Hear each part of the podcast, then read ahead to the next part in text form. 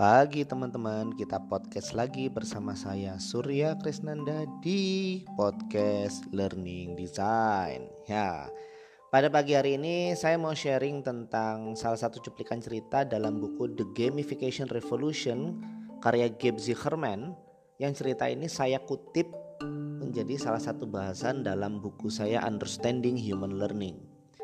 Jadi di ceritanya pada buku tersebut ada kisah tentang seorang anak namanya Remy. Remy ini usianya masih 12 tahun dengan tinggi badan dan penampilan yang biasa-biasa aja. Tidak ada orang yang menyadari sesuatu yang istimewa pada dirinya sampai orang-orang melihatnya bisa melakukan landing pesawat pada sebuah simulator pesawat terbang tanpa instruktur yang mengajari. Wow, seorang anak usia 12 tahun bisa melakukan proses landing pesawat pada sebuah simulator pesawat terbang, simulator beneran nih ya, tanpa instruktur yang mengajarinya. Pertanyaannya, gimana ceritanya kok bisa anak 12 tahun melakukannya? Ternyata Remy bisa melakukannya karena sebelumnya dia sudah banyak bermain game. Game pesawat tentunya ya, di mana proses bermain gamenya itu dia perlu take off dan landing pesawat ini luar biasa teman-teman bahwa ternyata dengan sering bermain video game dia bisa melakukan apa yang semestinya baru bisa dilakukan oleh calon pilot profesional di dalam sebuah simulator pesawat. Pertanyaan berikutnya adalah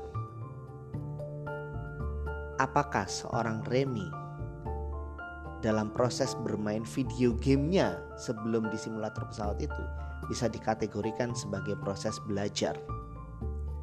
Loh, ini menjadi kontradiksi ya teman-teman bahwa bermain video game kok belajar? Kan ini bermain, bukan belajar. Ya di Indonesia sendiri kita sering menemukan banyak orang mengkotakkan antara keduanya. Anda jangan main aja, belajar dong begitu kan. Kadang-kadang ke anak-anak begitu ke karyawan begitu. Kamu kebanyakan main jadi nggak belajar. Belajar dong jangan main terus begitu kan ya.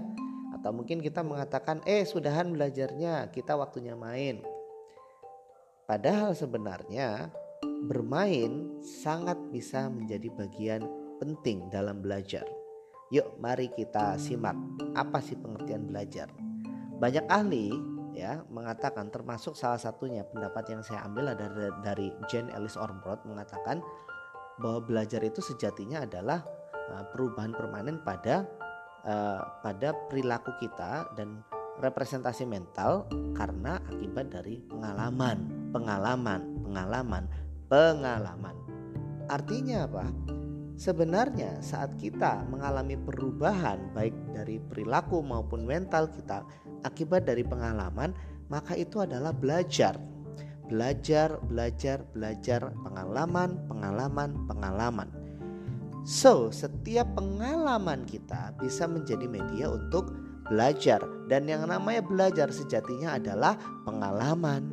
Berarti teman-teman sekalian, ah, bagi teman-teman nih para learning facilitator, entah teman-teman adalah trainer atau mungkin leader atau business owner yang ingin uh, mengembangkan timnya, gitu.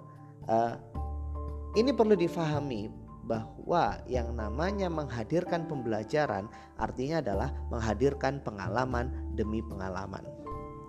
Maka saat kita ingin mengajari orang, yang kita pikirkan adalah bukan tentang apa yang mau kita sampaikan, apa yang mau kita katakan, apa yang mau kita ceramahin pada dia, bukan itu.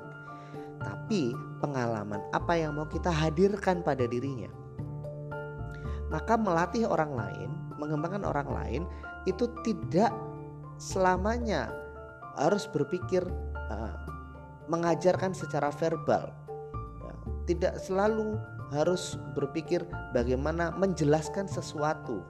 Tidak. Yang terpenting adalah menghadirkan pengalaman. Contoh misalnya, saya seorang pimpinan, saya ingin uh, tim saya belajar sesuatu. Maka kadang-kadang tidak perlu langsung saya ajari dari awal secara verbal, saya biarkan dia mengalami dulu. Lalu dia uh, saya biarkan dia menjalani mengalami sesuatu dulu, menjalani pekerjaannya, mengalami pekerjaannya, lalu dia berbuat salah. Pengalaman salah ini memang sudah saya prediksi dan saya biarkan.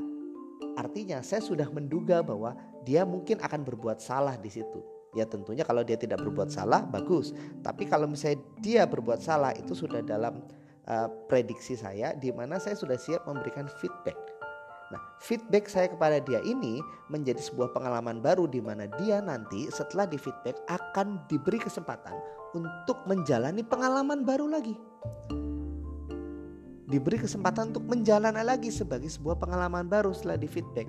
Lakukan, lakukan lagi, alami lagi sesuatu. Itu bisa menjadi pembelajaran yang justru menjadi sangat efektif dibandingkan kita harus menjelaskan dari A sampai Z ini caranya begini, itu caranya begitu. So belajar adalah menghadirkan pengalaman. Bagi teman-teman trainer, learning facilitator, leader, eh, saat Anda ingin mendesain pembelajaran, maka yang perlu dipikirkan adalah anda bukan mendesain apa yang akan dikatakan, tapi Anda mendesain pengalaman. Kira-kira kalau saya ingin orang ini belajar, berarti orang ini perlu saya buat mengalami apa ya? Kalau saya ingin orang ini bertumbuh, orang ini perlu mengalami apa ya? Nah, mengalami apa ya itulah yang didesain. Dari pengalaman demi pengalaman ini maka orang yang kita inginkan untuk bertumbuh insya Allah akan menjadi terus bertumbuh dengan lebih cepat lebih cepat dan lebih cepat. So belajar adalah pengalaman. Hadirkan pengalaman pada seseorang maka dia akan belajar. Saya Surya Krisnanda terima kasih. Wassalamualaikum warahmatullahi wabarakatuh